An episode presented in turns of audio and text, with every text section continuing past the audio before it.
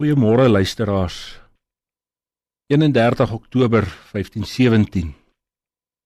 Die monnik loop met hamer in die een hand en dokumente in die ander hand in die kerktrappe in Wittenberg op.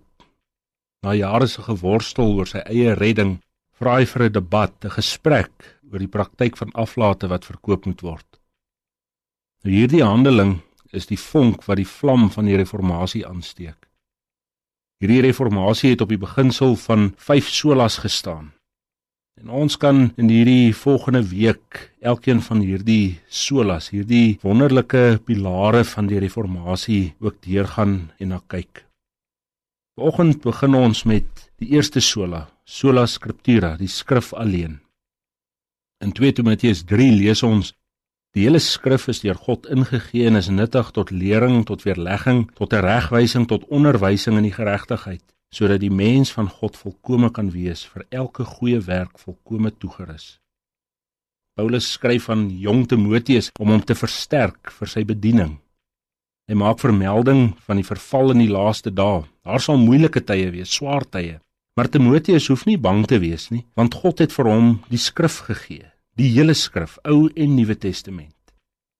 Nou die skrif is nie alleen woorde van mense nie, maar dit is woord van God, deur God geïnspireer. En daarom het hierdie woord gesag. Die Bybel het gesag omdat dit woord van God is wat hy in sy genade aan ons gee. Maar hierdie skrif wat aan ons gegee is, dit word deur die Gees in ons ook ingewerk en daarom is dit vir ons nuttig. Dit is nuttig omdat ons mekaar daardeur leer, omdat ons mekaar daardeur kan toerus. Ons gebruik die skrif om dwaalings en sonde wat daar mag bestaan te weer lê. Maar ons kan egter nie net weer lê nie. Ons moenie net sê wat nie mag gebeur nie, maar ons kan die skrif ook gebruik om mekaar op te bou. Dit is ook reg en nuttig tot teregwysing.